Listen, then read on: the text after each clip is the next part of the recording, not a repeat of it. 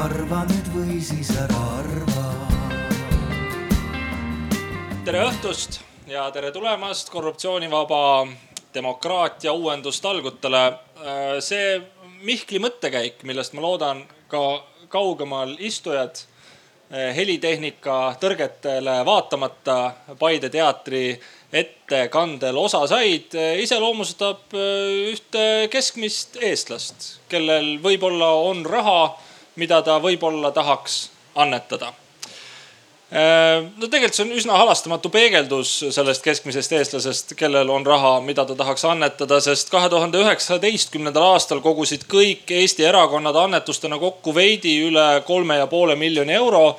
Ja noh, võrdluseks võib siin võtta kasvõi Tartu Ülikooli Kliinikumi lastefondi, kes kogus üksinda samal aastal kolm miljonit ja kolmsada tuhat eurot. nii et seitse erakonda versus üks lastefond.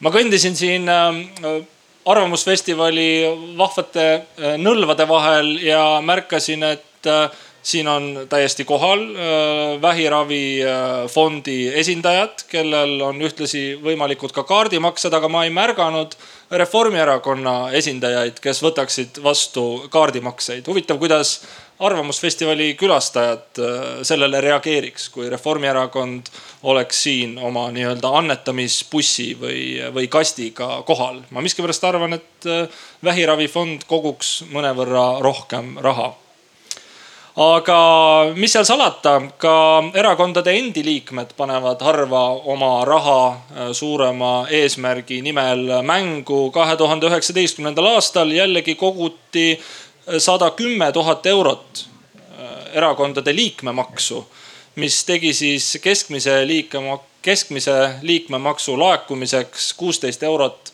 ja nelikümmend neli senti, aga see samal ajal juba mainitud äh, härrasmees, kes kutsub üles toetama sinistes dressides Eesti sportlasi äh,, annetas noh, või vähemalt tema nimel see raha erakondade kassasse jõudis Urmas Sõõrumaalt nelisada tuhat eurot me oleme viimase aasta jooksul kuulnud mitmesuguseid ideid sellest, kuidas erakondade rahastamise süsteem võiks muutuda no alates sellest, et on ära tahetud kaotada erakondade rahastamise järelevalve komisjon.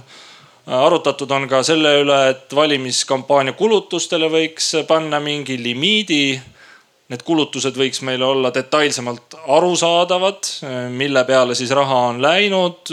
vastupidi, on arutatud ka sellest, et järelevalve peaks üleüldse suurem olema või ka seda, et eraisikute annetused võiksid olla keelatud kõiki neid ettepanekuid vaadates võib tekkida muidugi küsimus, et äkki me võiks astuda nüüd paar sammu tagasi ja, ja küsida endilt, et milline oleks nende otsuste mõju meie demokraatiale ja kodanike osalusele valitsemisse, sest olgem ausad, viimase kümne aasta jooksul erakondade liikmeskond märkimisväärselt tõusnud ei ole. pigem on näha stagneerumist või ka, või ka kahanemist ja ka usaldus erakondade vastu on märkimisväärselt madal ja noh, eks tuleviku-uuringud näitavad, kas ma eksin või mitte, aga ma pakun, et ka see presi-, seekordsed presidendivalimised või see protsess ilmselt sellele usaldusele palju äh, punkte juurde ei anna teema on suur ja keeruline ja selleks, et sellele kuidagi selliste suupäraste tükkidena nüüd läheneda, olemegi need tänased talgud siin korruptsioonivaba Eestiga kokku kutsunud. ja minul on üsna tagasihoidlik roll siin. selle suurem roll on teil kõigil, kes te siia olete tulnud.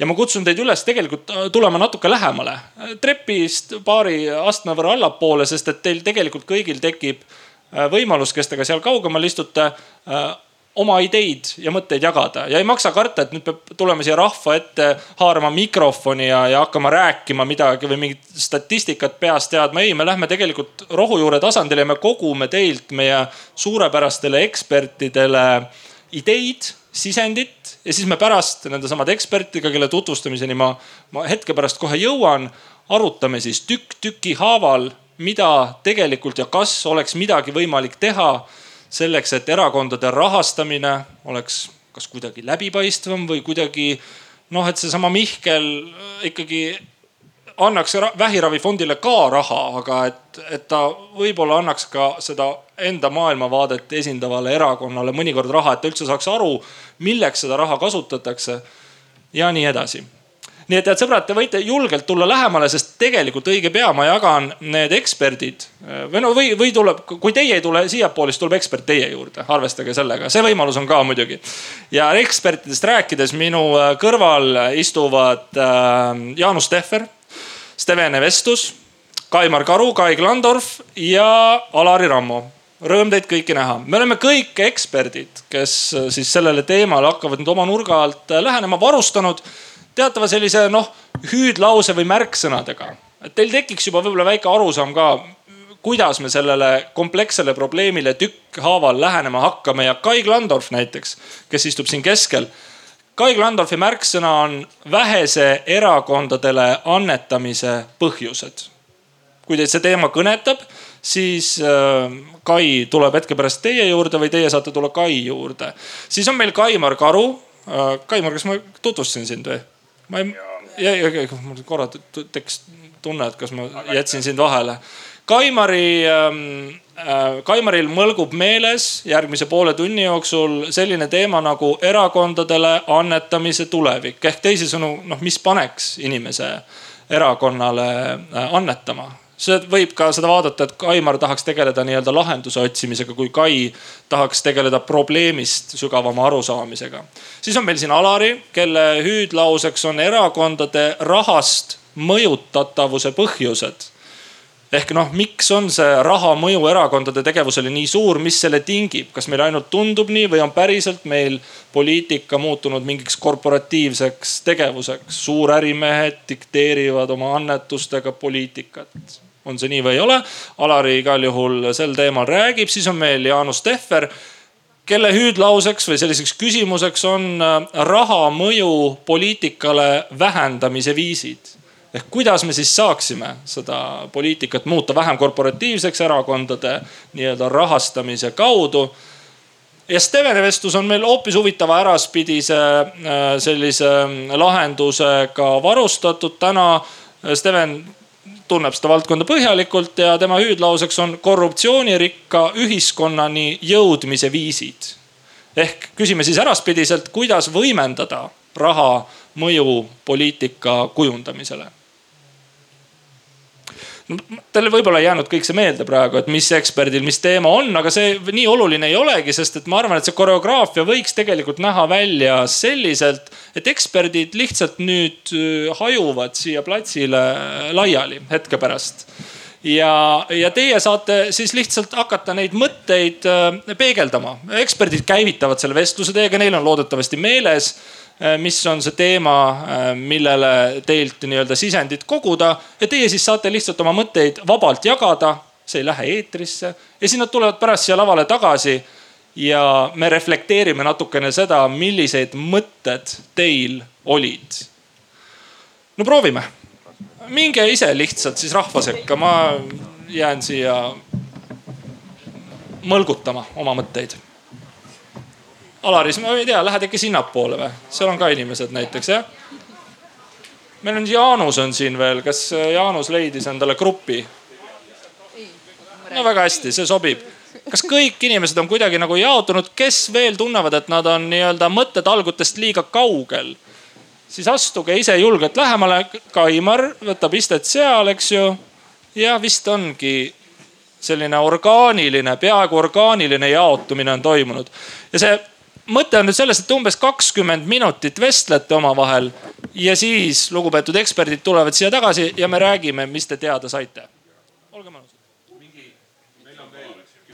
okei okay,, Ala, kas Alari sai ka nüüd joone alla tõmmatud praegu? me jätkame, jätkame õige varsti, aga, aga võtame need muljed ja mõtted äh, praegu korra kokku sest noh, grupis on väga kihvt rääkida, aga, aga nüüd saavad kõik osa sellest, millest te rääkisite. no alustame ikkagi Kaist ja lähme sellise nii-öelda probleem-lahendus, probleem-lahendus ähm, rütmis siis lõpuni välja, et Kai, miks siis ei ole erakondadele annetamine tavaline, milleni te jõudsite?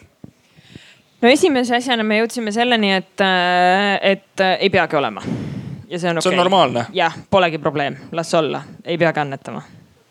naudime edasi Äh, selles mõttes, et äh, erakonnad saavadki riigi raha ja, ja neil on oma mingid konkreetsed äh, rahastussüsteemid, mis toimivad nende jaoks, las olla. see polegi nagu kodanike asi panustada. jah. riik meil, panustab. jah, meil käis, ei no kodanikud ongi ju riik ei, ja meil, meil käis see, see termin käis, et aga ma ju annetan oma hääle, mida veel vaja on. ja maksuraha ja seda ka onju mm. ja see läheb juba niikuinii onju erakondadele, et siis miks seda veel nagu kuidagi suuremaks on vaja. et äh, see on täiesti üks vaade ja täiesti äh, meie selles mõttes grupis äh, tuli see korduvalt niimoodi ülesse teine pool, mis tegelikult oli sihuke nagu probleempõhjusena võib-olla, et mis siis nendel erakondadel viga on, miks nendele ei taheta annetada. on, on ühelt poolt seotud ikkagi ka sellega, et ega tegelikult need erakonnad on no nii kolossaalselt suured ja need platvormid on nii hägused. Neil ei ole nagu sihukest ühte konkreetset mingit agendat või ühte konkreetset missiooni, millele annetada. erakondade enda maailmavaade ja sõnum on selgelt defineerimata. täpselt mm et kui meie grupis oli selles mõttes oli nii tore, et äh, meie kõigi seas olid need, kes annetavad MTÜ-dele. Äh, kõik me mingile algatusele või, või mingile organisatsioonile annetame, päris mitmed olid ka püsiannetajad aga erakonnale oli võib-olla kunagi üks annetanud meie grupi liikmetest. Äh, et, et me selgelt nagu näeme, et me toetame mingeid maailmavaatelisi algatusi, aga et me ei näe tegelikult erakondadel seda, et, et, et vot nendele annetamine tooks mingi, mingi muutuse või et neil oleks mingi konkreetne üks missioon, mida nad edasi viivad või, või kuidagi edasi kannavad. ehk et see on nii nagu hoomamatu ja suur platvorm ma ei tea, kas see on sob-, selline küsimus, millele sobib siin, mida sobib siin Paides esitada, aga kas saaksid tõsta käe need, kes on kunagi erakonnale annetanud? kas ma sain kaks või? no jah, vist reflekteerib üsna hästi seda, seda, seda nii-öelda üldist statistikat. vabandust, Kai, jätka jah ja ja teine asi, mis me rääkisime, oli ikkagi nagu poliitikute ja erakondade maine üleüldiselt on ju, et see usaldusväärsuse küsimus, et, et kas üldse või noh, et mis selle rahaga tehakse, kuhu see jõuab lõppkokkuvõttes, kui läbipaistev see süsteem on, kui usaldusväärsed need erakonnad on, on ju, et. et kui me räägime erakondadest, siis enamasti mõelda, mõeldakse riigikogust ja mõeldakse sihukestest nagu tüüpilistest erakondadest me ei rääkinud selles mõttes mingitest kohalikest valimisliitudest või üksikkandidaatidest, vaid ikkagi nagu põhiliselt riigikogu erakondadest ja nende selline maine ja usaldusväärsus on tegelikult ka peamine põhjus, miks äh, võib-olla inimesed ei anneta, on ju, et lisaks sellele sihukesele platvormi hägususele. ja, ja siis äh, jah äh,, et isegi kui meil on erakond, mis äh, mis võiks kanda mingit sihukest maailmavaadet, mida me tahame toetada äh, siis siiski meie jaoks või noh, selles, selles grupis meile tol hetkel äh, selles arutelus tundus, et, äh, et ükski nendest erakondadest, isegi kui ta väga selgelt mingit maailmavaadet või mingit nagu heaolu või mingit eesmärki kannab, siis tegelikult me näeme, et poliitilises maastikus kaubeldakse nii palju, et me ei saa nagu kindel olla sellele, et isegi kui me selle maailmavaate toetuseks annetame, et siis see kuidagi midagi nagu muutub või et midagi saab tehtud.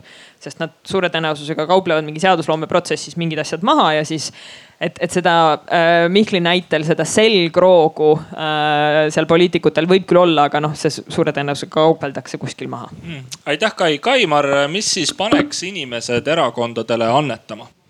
no meie, meie vestlus algas äh, noh, tegelikult ka probleemipüstitusega, et kui, mis paneks, et miks siis, miks siis hetkel ei, pigem ei annetata üks põhiteema, mis tuli sealt välja, oli läbipaistvuse puudumine. ehk mida selle raha eest saab? mida selle raha eest saab ja kuhu see raha läheb, et see oli üks. Äh, kui ma annetan selle MTÜ-le, mille äh, missiooni ma usun, siis ma tean, kuhu see läheb. Äh, ma võin teada, et minu annetusest üksinda ei piisa eesmärgi saavutamiseks, aga kui mitmed annetavad, siis juba saab midagi head ära teha. siis tuli välja ka probleemina tegelikult see, et kui ähm, isegi kui sa usud, et erakonnal on maailmavaade ja sulle tundub, et see kattub enam-vähem sinu omaga, siis ei saa kunagi kindel olla, et järgmiste vangerduste käigus äh, ei heideta ühte voodisse erakonnaga, kes sulle on väga vastumeelne.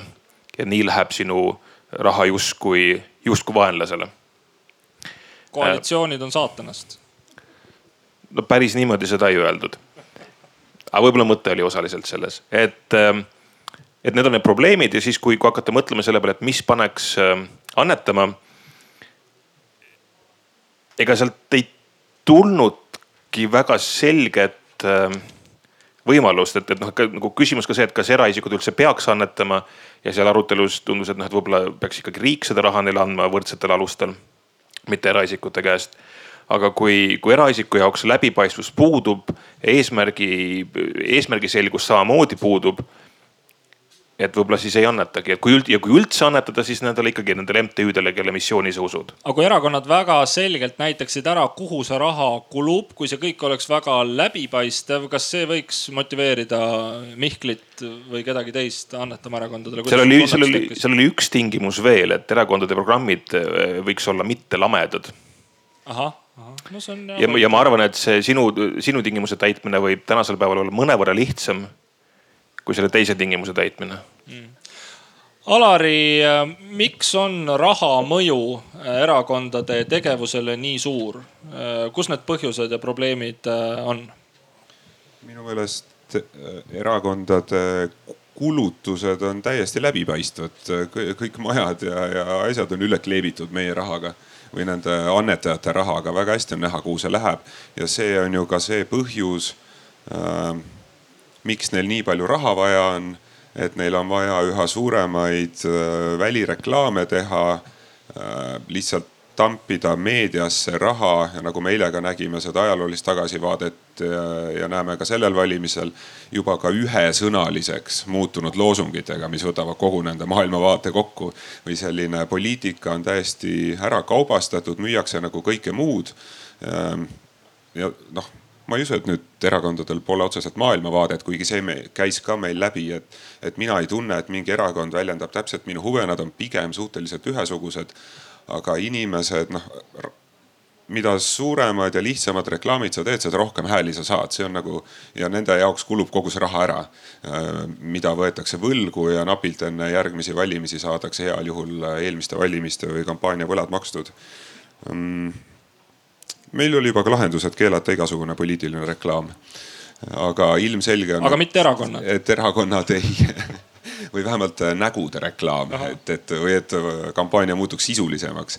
aga loomulikult erakonnad äh, ise eriti kui nad on koalitsioonis või riigikogus, ei ole ühegi sellise, sellise muudatuse poolt, mis, mis elu teeks keerulisemaks. aga tõenäoliselt ka mingit lahendust väga ei ole, et oleks rohkem väikeannetusi, sellepärast et liikmeskonnad langevad igal pool maailmas, nii tavalistes MTÜ-des kui erakondades annetused kasvavad äh, igal pool mujal MTÜ-des kui erakondades. erakondadel heal juhul annetavad selle erakonna liikmed, aga teised inimesed lihtsalt ei, ma ei tunne seda sidet, mu ainus side on see, et ma käin valimas ja siis nagu meile öeldi, valin seda, kellelt ma sain pastaka või siis valin seda võib-olla mina, kelle programmi ma olen läbi lugenud. ma selle kriitikaga pole nõus, et programmid on, ma ei tea, lamedad või mis iganes. korralikel erakondadel on väga põhjalikud programmid ja noh, sageli küll küll absurdsed lubadused, vähemalt majanduslikult, aga me ju oleme ka näinud, mis on ühe teema erakondadest saanud, mida olid meil rohelised. keegi ei vali neid, lihtsalt küsitakse, kus teie majandusprogramm on, rohelised küsivad vastu, mis see majandus on.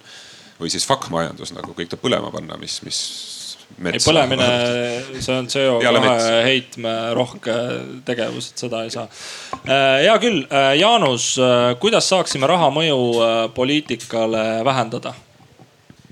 Ja meil oli ka väga huvitav diskussioon ähm, ja muuhulgas me natukene põrgatasime ka sellist filosoofilist äh, küsimust, et äh, kas see raha mõju või suure raha mõju poliitikale on üldse hea või halb, eks ole, et äh, et mis alternatiiv võiks olla ja nii edasi, aga noh, üldiselt see starting point oli see, et näis olevat selline konsensus, et tõepoolest mingis mõttes on see suure raha mõju poliitikale sellise negatiivse konnotatsiooniga võib-olla üks idee, millest väga palju ei ole räägitud, aga mis tuli meil välja, on, on just üks selline negatiivse mõju aspekt väljendub selles, et sellise nii-öelda suurannetajate mm, poliitika mõjutamise üks väljund on see, et ta omistab samasuguse varjundi kogu erakondade rahastamisel. ühesõnaga, et see arusaam, et suur, üks suur raha ostab mingisuguse sobiva lahenduse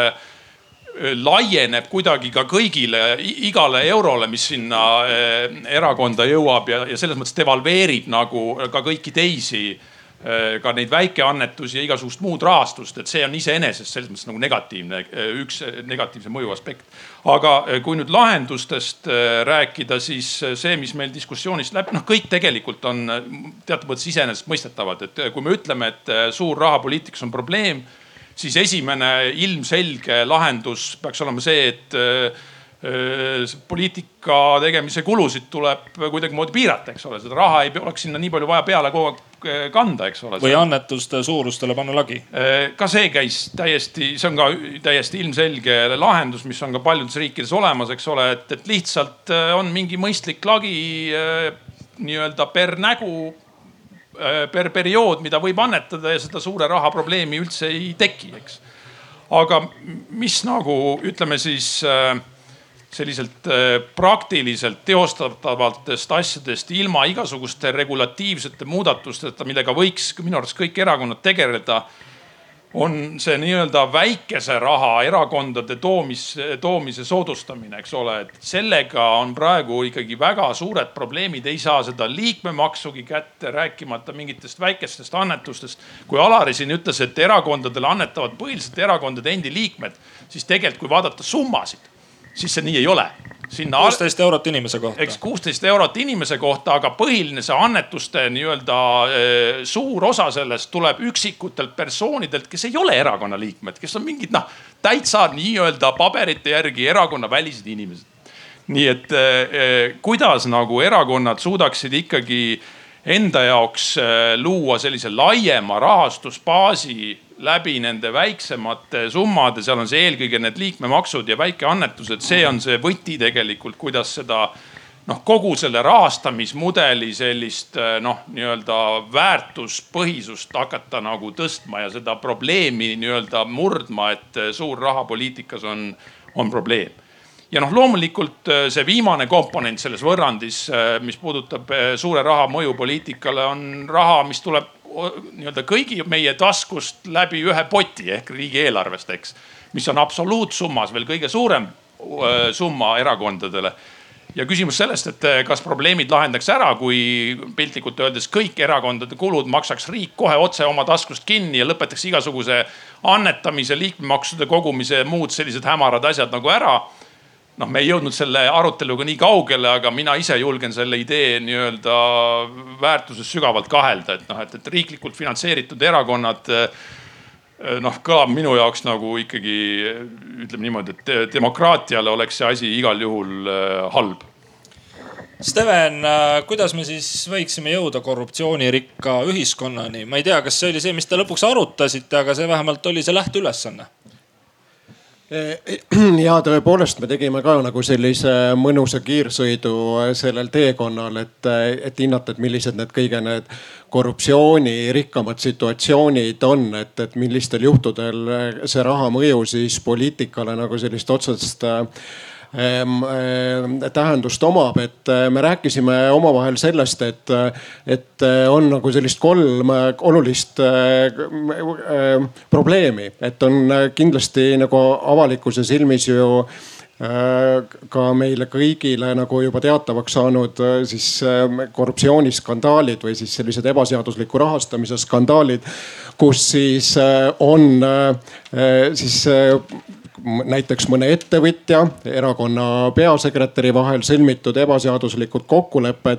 ja ikka nagu see viib jälle selleni, mis siin eelnevatest vestlustest välja on tulnud, et, et siis see või eh, edukam poliitkampaania teha või siis ikkagi jällegi saavutada see eh, ebaausalt võidetud eh, lõppkokkuvõttes siis see valimistulemus. kui ma mainisin ära märksõna ettevõtjad, siis tänapäeval, kus tegeldakse hoolega siis annetajate andmete analüüsiga, on meile kõigi silme ette tulnud ju ka hulk selliseid ettevõtjaid, kes igaks juhuks, noh, ma ei tea, kui hulk, aga vähemalt mõned, kes igaks juhuks annetavad igale suurele erakonnale, et siis võimalusel nagu soovida mingisugust äh, vastuteenet.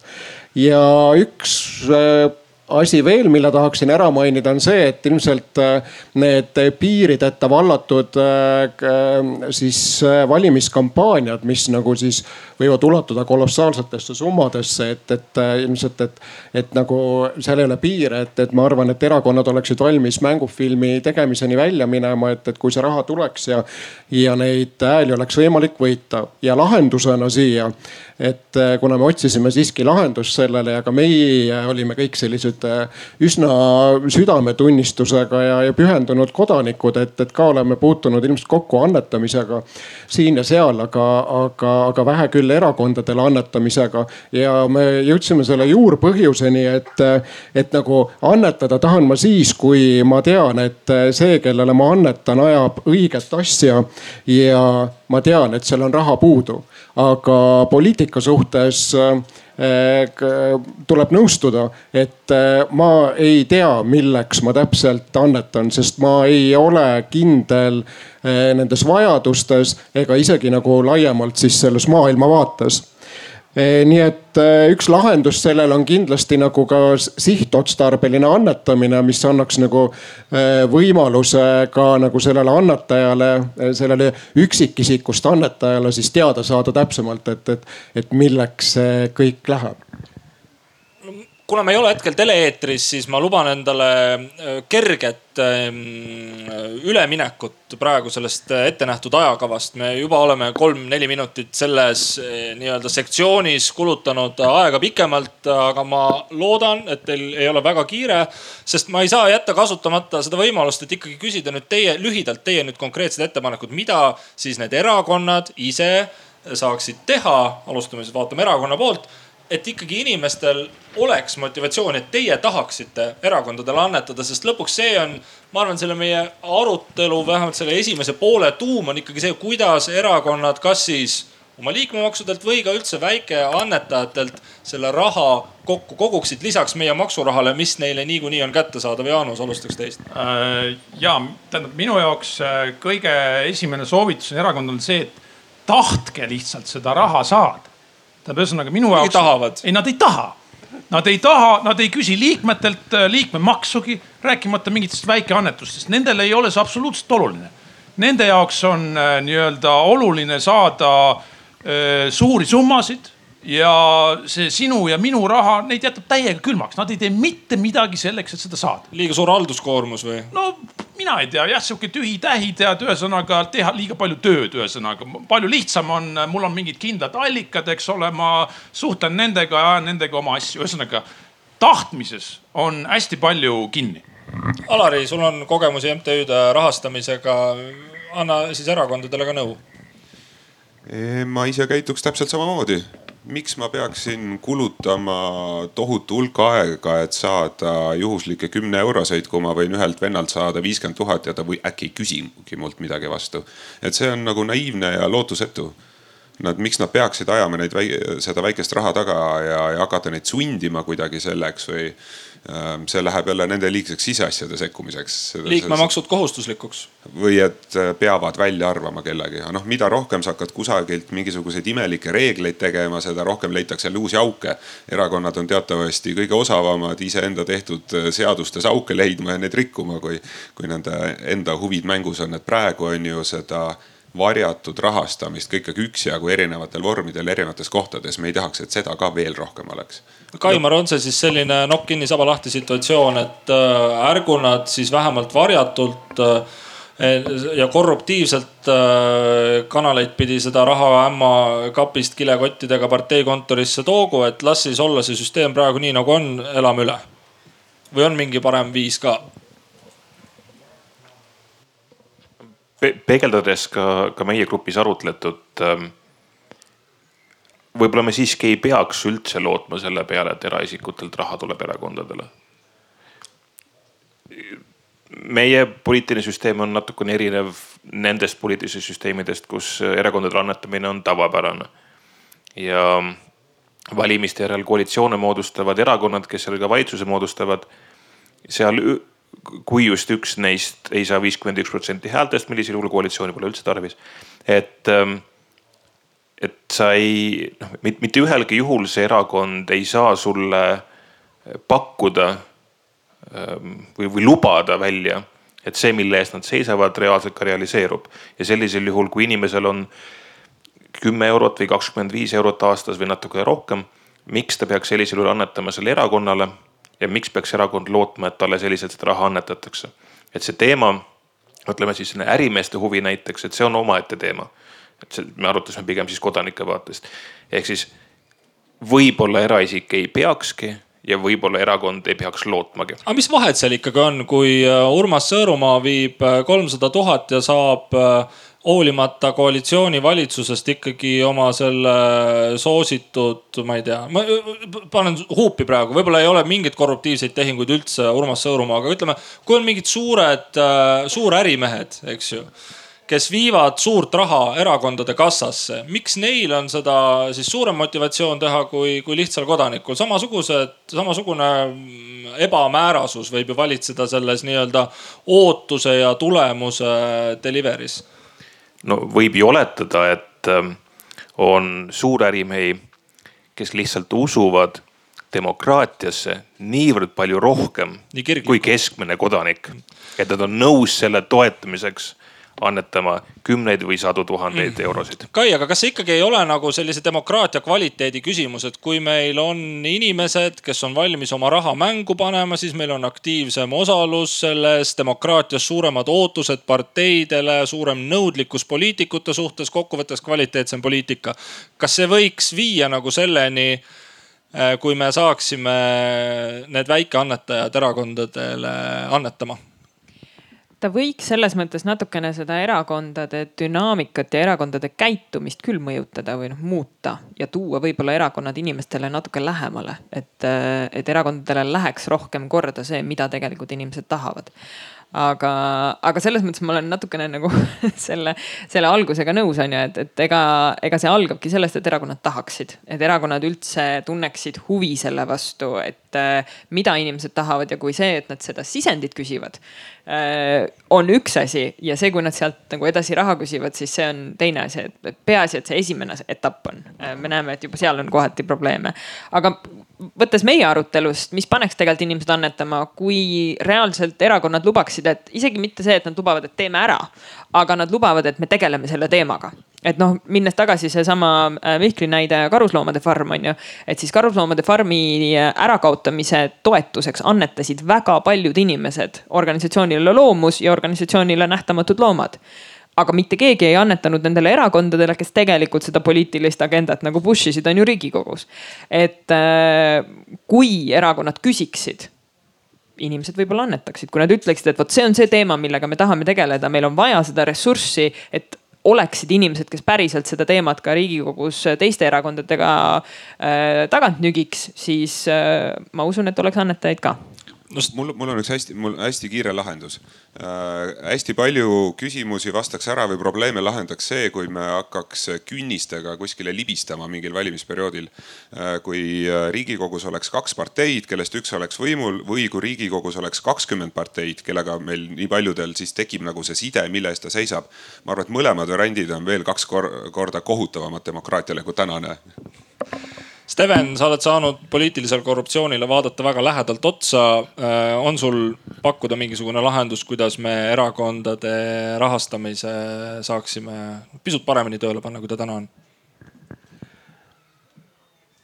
ja ma olen vaadanud poliitilisele korruptsioonile otsa, aga see tähendab, et, et seda mustrit ei saa ju nagu üle kanda ja ka nagu kõigile ettevõtjatele ja, ja kõigile, kes, kes neid annetusi teevad, et ma olen sellega täiesti päri aga, ja, ja noh, ütleme, et, et see, mis puudutab nagu äh, sellist poliitilist korruptsiooni ja kuritegude toimepanemist, et noh, see, see puudutab ainult nagu, eks ole, üksikuid annetajaid ja, ja puudutab ka üksikuid erakondi, et see ei ole nagu läbivaks jooneks.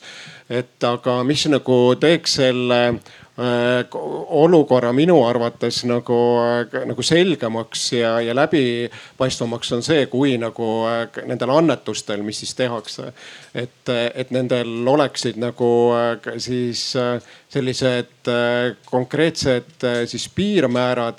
Ja ma nagu toetan ka seda, et, et igasugused annetused nagu nende parima monitoorimise huvides oleks mõistlik nagu alati ka nagu reaalajas nagu avalikustada, et me tegeleme nagu tihti tagajärgedega, aga, aga et ja kõige viimaseks ma tahan nõustuda kõnelejatega, et, et, et tegelikult see eh, üks, üks osa sellest saab tulla nagu seadusemuudatuste kaudu, aga, aga teine pool nagu loomulikult taandub kõik nagu erakondadele endale ja sellele motivatsioonile, siis äh, muuta seda läbipaistvamaks.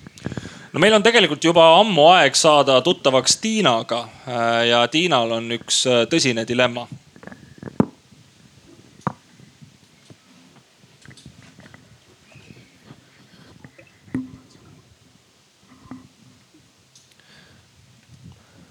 on reede hommik. soe kevadine hommik. Musträstas, kajakad, paar autot. Tiina istub oma kaheksanda korruse korteri rõdul ning rüüpab kolmandat tassi kohvi. kohv on nagu poliitika, mõtleb Tiina. eluks hädavajalik, aga must. liiga must. järsku heliseb Tiina telefon hommikul vara, tundmatu number. tavaliselt Tiina sellistele kõnedele ei vasta. liiatigi tekib tal kahtlus, et äh, kas ei tulda mitte sisse nõudma vana võlga või pakuta uut. pealegi, kui kellelgi mind väga vaja on, siis saatku meil. aga mingil seletamatul põhjusel on siis selleks Kadriorus jalutav kevad või silmapiiril terendav nädalavahetus otsustab Tiina täna erandi teha. ta vajutab rohelisele nupule ja ütleb tere. Tiina on ekspert, teadlane, oma ala tipp, tõesti. ja mitte ainult Eestis, vaid kogu Baltikumis. hiljaaegu küsiti tema kommentaari isegi ühte Poola uudistesaatesse ta teab, et tal on vajalikud oskused ja teadmised, et oma valdkonnas tõesti midagi ära teha. ta teab, milliseid samme on vaja selleks astuda.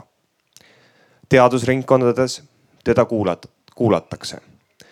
isegi valitsused on temalt nõu küsinud. ja ta andis. vahet pole, kes parajasti Toompeal riigipirukat poolitasid. aga ühel hetkel sai Tiinal mõõt täis. Tiinale tundus, et öelgu tema mida tahes, otsused teeb ikka keegi teine kellegi kolmanda soovituste järgi ja kellegi nelja, neljanda agendat silmas pidades ning kellegi viiendale meele järgi olles. proua Tiina, öelge palun, et te olete valmis sügisestel valimistel meie nimekirjas kandideerima. me oleme otsustanud anda teile nimekirjas väga hea koha mitte päris esinumbri, aga igati respektaabli koha poliitilisele uustulnukale pardon, eksperdile, kes seni väljaspool poliitikat tegutsenud. me aitame teil valmistuda. meie erakonna esimees on teie suur austaja. me toetame teie kampaaniat, reklaamid, intervjuud, telesaated. muuseas, meie erakonna esimees rääkis mulle möödunud nädalal pikalt sellest teie artiklist ja ta tahaks teiega väga kohtuda. me usume, et meie erakond annab teile võimaluse teha Eesti elu paremaks Tiina, Eesti vajab teid.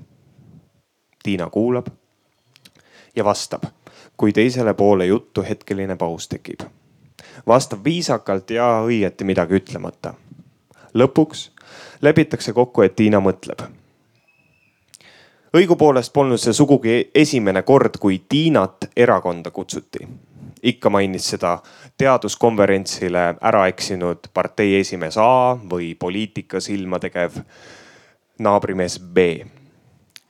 aga seni olid need pakkumised olnud noh, teistsugused. naljatlevad ja eks me kunagi vaata ja mõtle stiilis. nüüd aga oli ta saanud tõelise pakkumise kandideerida, midagi muuta. aga punase fooritule ees seistes kerkivad Tiina silme ette tuttavate näod ta näeb kolleegide hämmeldunud ilmeid, näeb, kuidas nende suud avanevad ja nad küsivad kergelt parastava, kergelt üleoleva tooniga. kas sina, Brutus? näeb isa, kes on talle mitu korda öelnud, tee, mis sa teed, aga kui sa poliitikasse lähed, siis ära jõuluks koju tule. Instituuti jõudes tundub talle, et töökaaslased vaatavad teda kuidagi veidralt. kas nad juba teavad, mõtleb Tiina. ei, nad ei tea. veel. kolleegidega lõunat süües kostus Puhveti raadiost uudis, et prominentne kirjanik astus erakonda. kas te mäletate, mis juhtus Andres Lapeteusega? naerab üks kolleeg, naerab suurelt ja soojalt. aga mis juhtus Mihkel Rauaga? Maire Aunastega. kui kaua Jaan Kross Riigikogus vastu pidas?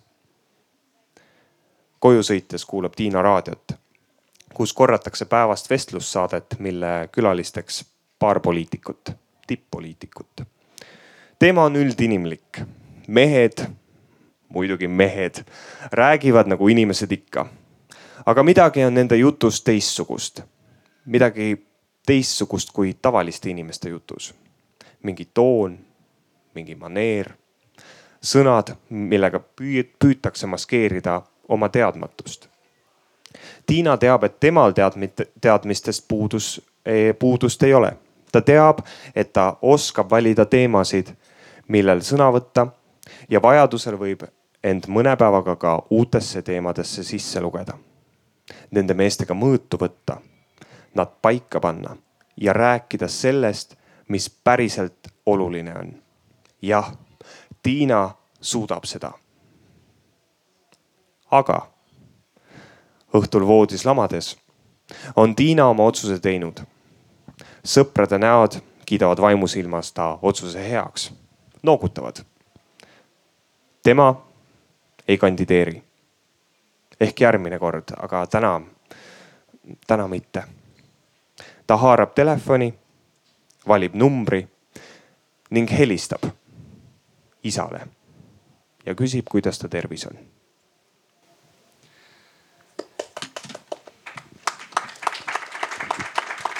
esimese augusti seisuga oli viiskümmend viis tuhat kolmsada kolmkümmend kolm Eesti inimest mõne erakonna liikmed.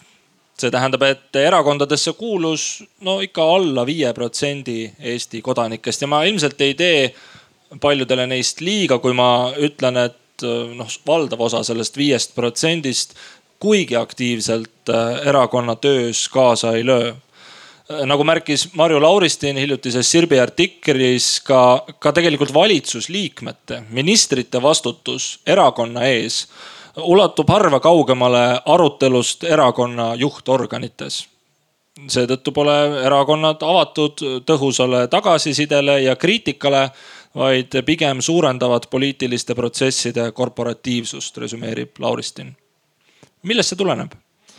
kas erakonnad on rahvast kaugenenud ja ajavad poliitikat, mis vastab üksnes nende toetajate kitsastele ärihuvidele või kas tegelikult võiks erakondade liikmeskond olla veel väiksem, arvestades, kui vähesed aktiivselt kasvõi siis nendesamade liikmemaksudena panustavad head sõbrad, eh, läheme edasi meie nii-öelda teise vaatusega ja järgneb see, millest te juba osa saite ehk eksperdid eh, tulevad teie juurde ja neil on kaasas oma teema. Steven küsib poliitilise aktiivsuse barjääride kohta, miks on erakondade liikmelisus nii väike. Jaanus räägib erakonnasisese aktiivsuse puudulikkusest, miks on erakondade liikmelisus üldse nii suur, kui vaid kümme protsenti äh, osaleb ja noh, sedagi liikmemaksude tasumise näol. Alari äh, küsib, kas erakondade liikmelisuse määr peaks muutuma ja kui, siis millises suunas. Äh, Kaimaril oleme palunud küsida, kas erakondade ja ettevõtjate omavahelised suhted on Eestis korruptiivsed ja Kai äh, arutleb selle üle, mida tähendab äh, avalikust huvist lähtuv valitsemine ikka tegelikult praktikas. ja mul on selline provokatiivne ettepanek, et äkki nüüd te lähete lihtsalt erinevas suunas, kuhu te varem läksite, saate tuttavaks uute inimestega, uued inimesed saavad tuttavaks teiega. või, või see teeb asja keerulisemaks, äkki teeme nii? proovime, noh siis värsket, värskeid ideid võib-olla voolab, värskeid lähenemisi Äh, Kai, Kai võib minna sinna trepi peale näiteks sinna. jah, no sinnapoole näiteks jah. nii ja Jaanus võib siis minna sinna, sinna trepi peale. ma näen seal täiesti inimesed, inimesed ootavad eksperti. see vasakpoolne, vasakpoolne. no proovime nii. mul on väga kahju seda head suminat äh, siit mikrofonist nüüd niimoodi läbilõikavalt katkestada, aga ma tean, et täna õhtul on mõned arutelud veel ja võib-olla mõni teist tahab sinna jõuda ja võib-olla te siis avastate, et need arutelud juba käivad, kui meie siin ühel hetkel hakkame otsi kokku tõmbama. nii et me liigume edasi, ma palun, head eksperdid, tulge siia lavale tagasi. ja võtame kokku selle, mis te rääkisite. Steven, ma kardan, me ilma sinuta alustada ei saa. Steven, aga miks siis on nii, et äh, erakondade liikmelisus Eestis äh, nii väike on, millest see tuleneb?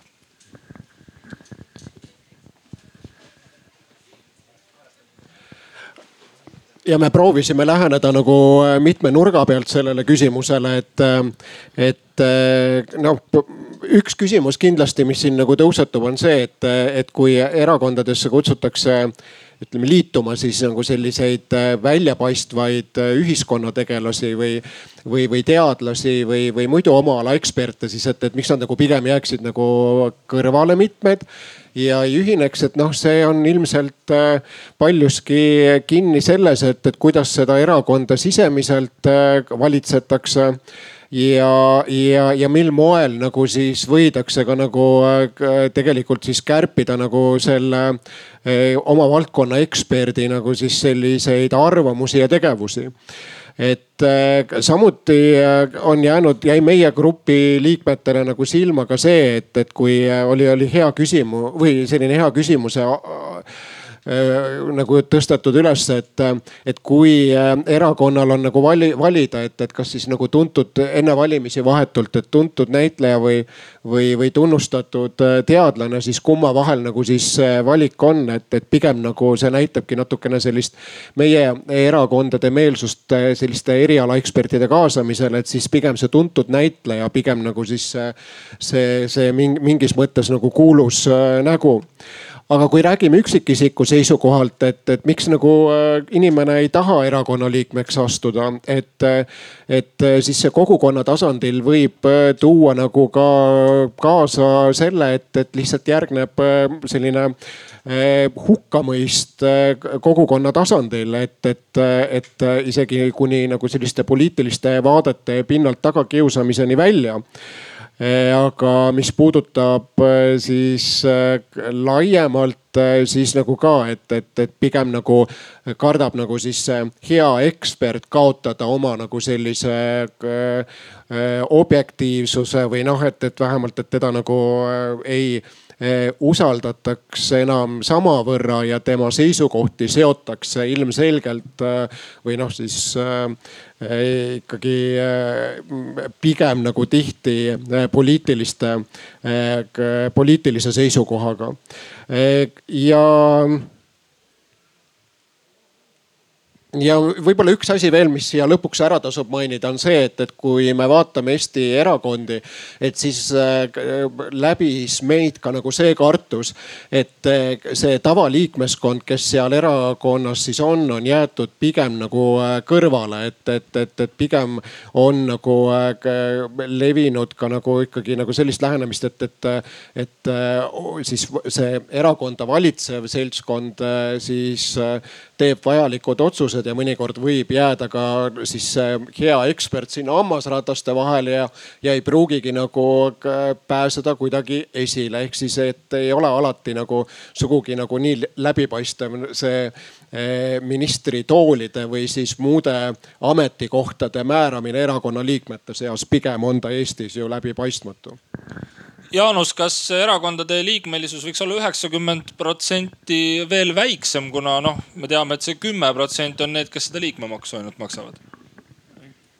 kindlasti on, kindlasti on see põhjendatud küsimus, et äh, miks erakondade liikmete arv on Eestis nii suur. tähendab äh,, kui me mõtleme sellele absoluutnumbrile viiskümmend tuhat circa ehk kolm ja pool protsenti elanikkonnast äh, siis eh, noh, kuigi ütleme ajaloolises eh, perspektiivis on see number ikkagi väga väike.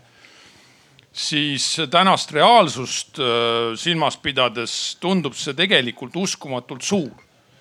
ja sellepärast, et vaadates, kui palju nendest viiekümnest tuhandest inimesest reaalselt midagi panustab seal erakonnas, siis see number võiks tõesti olla kümme korda väiksem.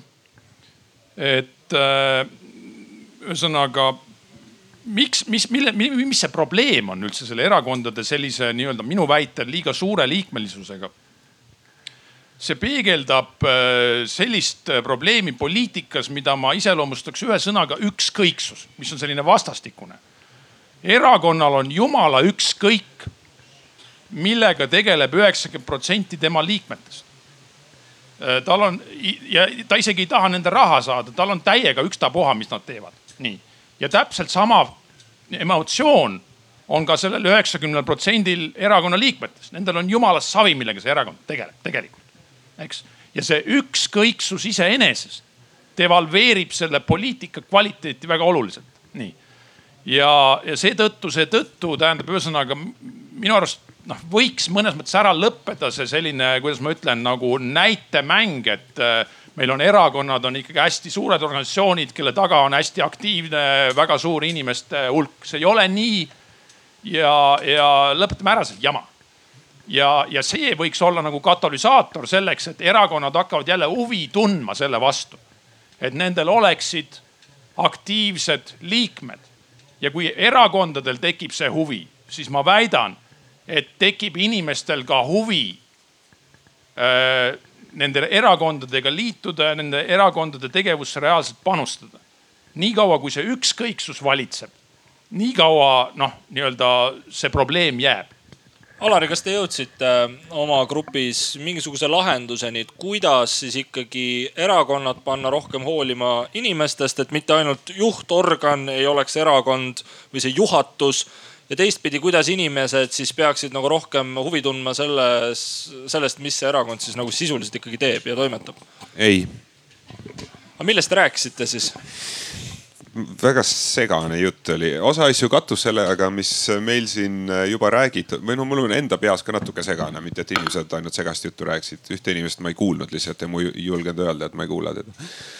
või siis ma ei saanud aru, ma ei tea ehm jäi mulle jäi meelde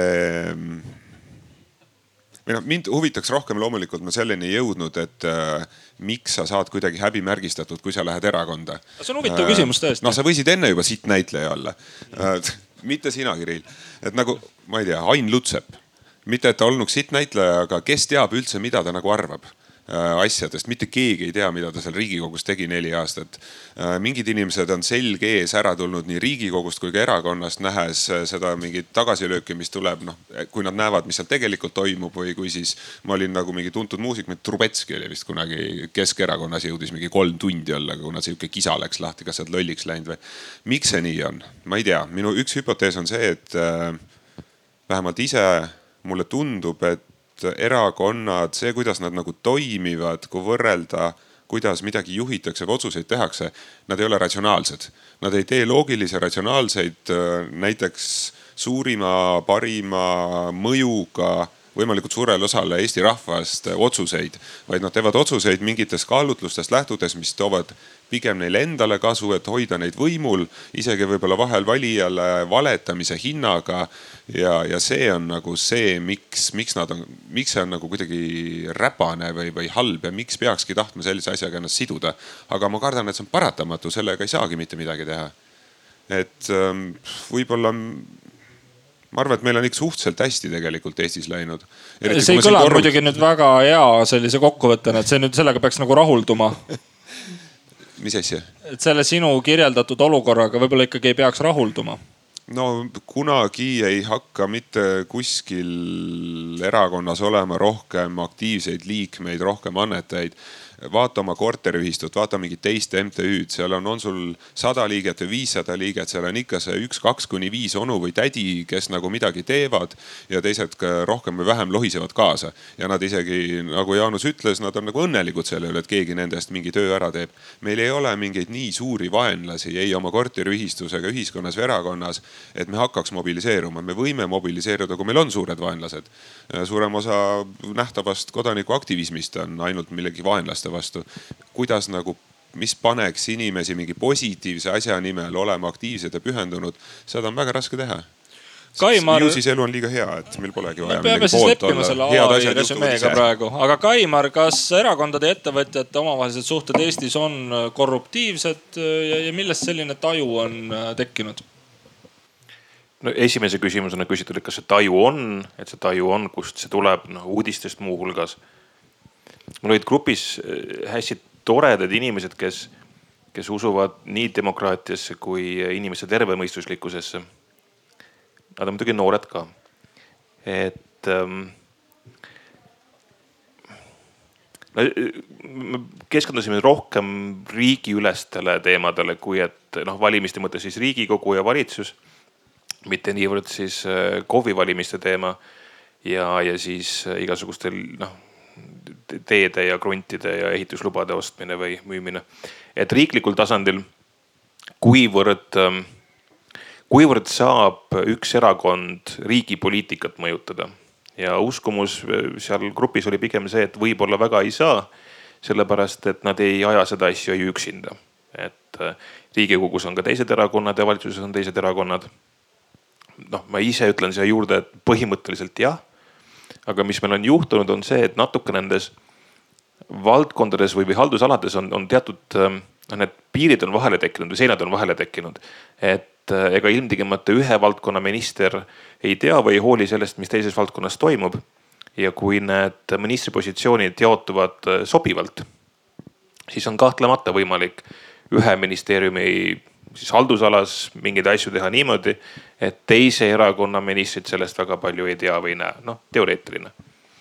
Ehm, ja noh, et kas siis, kas siis saab raha eest, äh, raha eest osta osta riigi poliitikat, et pigem, pigem siis ei tunnetusena.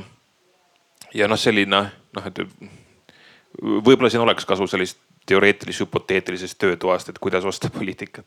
aga, aga jah, et tunne on see, et, et midagi vist toimub. päris täpselt ei tea, kuidas on võimalik raha eest poliitikat osta.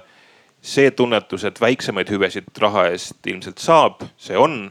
ja küsimus, et aga mida me siis teeme, kas kas peaksime siis äh, keelama ettevõtjatel seda raha, raha anda erakondadele ja kust see piir jookseb? Eraisiku annetuse ja siis ettevõtja annetuse vahel, et kui ma, kui mina eraisikuna annetan, aga muuhulgas ma olen ka ettevõtja, et kelle huve ma siis kaitsen, kas nagu enda või teiste. ja üks sulle selline huvitav mõte, mis sealt jäi ka kõlama äh, selle tervemõistuslikkuse koha pealt. et kui, ähm, kui üks erakond reklaamib välja mingit tüüpi poliitika, mida, millele ta loodab siis toetust saada ja sa maksad neile raha või annetad neile siis raha, et see poliitika ellu viidaks siis, siis oletus oli see, et kui nad selle poliitika avalikult välja käivad, mille eest nad seisavad. et siis piisavalt suur hulk inimene vaatab, inimesi vaatab, et see nüüd küll hea ei ole. ja nende poolt häält ei anna. et noh, selline nagu mehhanism on seal ka vahel, et, et lihtsalt tehes oma poliitika avalikuks, on vähem tõenäoline, et koguneb piisavalt palju hääli, et see, et see poliitika reaalselt ellu viia. ehk siis selline optimistlik, positiivne demokraatiasse uskuv ja demokraatiat toetav grupp. Aitäh, Kai, kus see tasakaal siis äh, avalike ja erahuvide esindamise vahel olla võiks, kuhu te jõudsite? me tegelikult sellest äh, tasakaalust ei jõudnud äh, teab kui palju rääkida aga, aga millele ma võib-olla, mis, millest me küll rääkisime, ongi see, et äh, seesama, mis Alari sisse tõi, on ju, et, et äh, mis see avalik huvi on, et see võimalikult palju, võimalikult suure mõju ja, ja kasuga äh, tegevused. Ja tegelikult see võiks olla iga erakonna huvi, et nad teavad, mis on see, mida tegelikult inimesed tahavad, ootavad, missuguste probleemidega nad silmitsi seisavad. et on see kontakt reaalsusega ja selleks, et see kontakt äh, säiliks, äh, on vaja sellist maagilist tegevust nagu kaasamine ja, ja rääkisime, meenutasime vanu häid aegu rahvakogu aegadest. ja, ja vaatasime, kuidas tänapäeval on välisriikides sarnaseid metoodikaid kasutatud, et reaalselt saada seda sisendit. aga noh, mida me näeme, on see, et see ei toimi siis, kui see on ühe korra aastal kaks tuhat neliteist ja võetakse kolm ettepanekut ja tehakse need ära, mis on kõige lihtsamad ja kõige mugavamad ja kõige kiiremini rakendatavad on ju. et tegelikult need peaksid olema see kontakt siis erakondade ja inimeste vahel peaks olema pidev ja püsiv, et kui liikmed ei ole aktiivsed, kui liikmed kaudu see sisend ei tule, siis tegelikult võiks luua või tuleks luua sellised mehhanismid, mis, mis ikkagi toovad siis selle avaliku huvi ka nende erakondadeni. ja, ja meie rääkisime peamiselt tegelikult ikkagi KOV-i tasandil ja jõudsime selleni, et valitsuse ja, ja riigikogu erakondade suhted ja, ja kogu see poliitiline mäng, mis seal toimub, tegelikult hästi palju mõjutab ka kohalikku tasandit. ja, ja KOV on tegelikult see, mille kaudu inimene kõige rohkem ikkagi äh, saab ise oma elu, elukäiku, elujärgu mõjutada ja, ja kohalikku sellist äh, võib-olla läbipaistvust suurendades, äh, inimesele ligipääsetav olles, me muudamegi ka tegelikult need erakonnad suuremal tasandil inimestele kättesaadavamaks või, või see, et ka inimesed tunnevad, et neil on võib-olla rohkem võimalik mõjutada poliitikaid sest äh, jah äh,, ma olen ka selles mõttes ikkagi nagu optimistlikum, et, et tegelikult ikkagi, kui inimesed tahavad, panevad oma energiat kokku äh,, töötavad mingite asjade nimel, siis äh,, siis saab ikka suuri asju tehtud küll, et, et nii nagu kibestunud ei tasu olla. selleks no. pole neil erakondi vaja seal kohalikul tasandil jah, see, see on ka põhjus, miks vaata väga tihti nendest erakondade kemplemistest on need äh, välja hüpanud äh, inimesed, kes ikkagi tahavad midagi ära teha, asutanud oma valimisliite ja, ja teinud mingeid muid mehhanisme on ju, et, et aga kui me hoiame erakonnad äh, ligipääsetavad, selles mõttes läbipaistvad äh,, avatuna ja, ja hoiame seda kontakti erakondade ja inimeste vahel, siis võib-olla ei ole neid valimisliite vaja, mis on nagu veel arusaamatumad kontseptsioonid on ju kas meil oleks tarvis ühte sotsiaalministeeriumi kampaaniat, et äh, erakondlane olla on okei okay mis vallandaks tohutu tungi ähm, erakondadesse, mis omakorda sunniks seda erakonna etableerunud juhtkonda, kes on harjunud tagatoas poliittehnoloogiate ja äh, täppisküsitluste abil äh, teada saama täpselt, millised küsimused, millised programmilised ettepanekud järgmistel valimistel peavad olema. lasta sinna natuke kuidagi õhku sisse või et noh, ma ei tahaks päris leppida sellega, et äh, Eestis ongi nii hea hea elu ja sellepärast meil, me peaksimegi leppima sellise äh, kodaniku aktiivsuse määraga, mis meil praegu erakondade uinunud liikmeskonna näol on ja jätta see erakonnapoliitika noh äh, käputäie inimeste kätte igas erakonnas, kes siis juhivad neid suuri rahvaparteisid, mis meil illusioonina justkui eksisteerivad. või ma küsin siis lühemalt, lühidalt, et andke, andke kiiresti mõned näpunäited, kuidas me võiksime seda seda kultuuri, et poliitika tegemine ei ole mingisugune räpane tegevus, vaid eksperdid päriselt võiksidki, kellel on midagi öelda, aidata oma riigil edasi astuda. Kai, on sul mõtteid? No minu esimene mõte ongi seesama kohalik tasand, et tegelikult kui me räägime äh,, ma, ma ei usu sellesse, et mingid äh, sotsiaalministeeriumi kampaaniad mingit muutust toovad. aga needsamad valimisliidud, kui nemad läheksid päriselt äh, nende erakondade juurde tagasi ja ütleks, et davai, tegelikult teeme ikkagi asju koos, kui me eestlastena jõuame selleni, et me kui me läheme kellegiga konflikti või kui on mingi erimeelsus, et me ei mõtle seda, et ah, ma teen oma seal eraldi kõrval siis selle oma mingi liidu ja oma mingi organisatsiooni või mis iganes asja. et ikkagi prooviks natuke koostöö, koostööd teha ja prooviks nagu jõuda selleni, et, et leiame mingid ühised lahendused, siis, siis tegelikult altpoolt üles on seda süsteemi võimalik muuta. ülevalt poolt alla ma ei tea, kuidas, sealt peab ikka nagu midagi, mingi suurem tahtmine tekkima. Jaanus jah, tahtmisega on kindlasti probleem, aga praktilise meetmena, mis noh, ideaalis võiks minu arvates väga hästi toimida, on olemas hästi äh, lihtne ja loogiline fiskaalne meede. Arvestades seda, tähendab ühesõnaga meil on eesmärk on motiveerida erakondi äh, loobuma oma ükskõiksusest, ütleme nüüd, tegelema inimestega. nii, selleks, et seda motiveerida, kõige lihtsam viis raha arvestades seda, kust tuleb erakonnale kõige suurem raha riigieelarvest. järelikult regulatiivselt väga lihtne reegel kehtestada. erakond saab raha riigieelarvest sellel tingimusel, et äh, ta suudab ka oma liikmetelt äh, regulaarselt kaasata mingisuguse mõistliku hulga raha. kui ta isegi seda ei suuda, siis on ta oma liikmete suhtes niivõrd ükskõikne, et ta ei vääri riigieelarvest mitte mingisugust toetust. ongi korras. kui äh, kehtestada selline reegel, et erakond saab raha tingimusel riigieelarvest, et ta on näiteks eelmisel aastal suutnud vähemalt viiekümnelt protsendilt oma liikmetelt saada kätte selle õnnetu liikmemaksu, mida nad on endale kehtestanud siis juba see oleks väga suur samm edasi, sellepärast et sellise reegli kehtestamisel, kehtestamisel täna mitte ükski erakond riigieelarvest mitte sentigi ei saaks. Kaimar, sinu mõte lõpetuseks kaks mõtet. esimene ja. mõte on see, et aga miks me peaksime, miks me peaksime inimestele valetama? Miks me peaksime neile valetama, et poliitika ei ole räpane? muidugi on poliitika räpane. ehk siis seda valetamist pole mõtet teha. ja vähemalt tänasel päeval on ta räpane. inimesed haarasid praegu pastaka järele ja asusid erakonna liikmeks astumise avaldusi täitma selle peale. nii, aga, aga, aga teine noh, see, see rahast rääkimine mulle, mulle endale tundub, et see võib-olla ei ole see päris, päris nagu päris motivaator. et äh, kui me, kui me räägime nendest summadest, mida, mida erakonnad on saanud, siis liikmemaksudena ja, ja annetustena, siis ja vaatame poliitikute hulka, kes selle kõigega tegelevad, siis erasektoris oleks sellise tootlikkusega ettevõte ammu kinni pandud. ehk siis see võib-olla ei ole mitte raha, mis motiveerib, vaid siiski võim. ja küsimus on nüüd, küsimus on nüüd siis see, et kas selle võimu saamise ja realiseerimise tulemus on tavakodanikule mõistetav. või on see pigem midagi sellist, mis on raskesti mõistetav ja vastumeelne et mis seal see erakondade muutus. seni kuni jaheta-, seni kuni jahitakse võimu, olles samas väga madala tootlusega, siis vist ei olegi lootust paremusele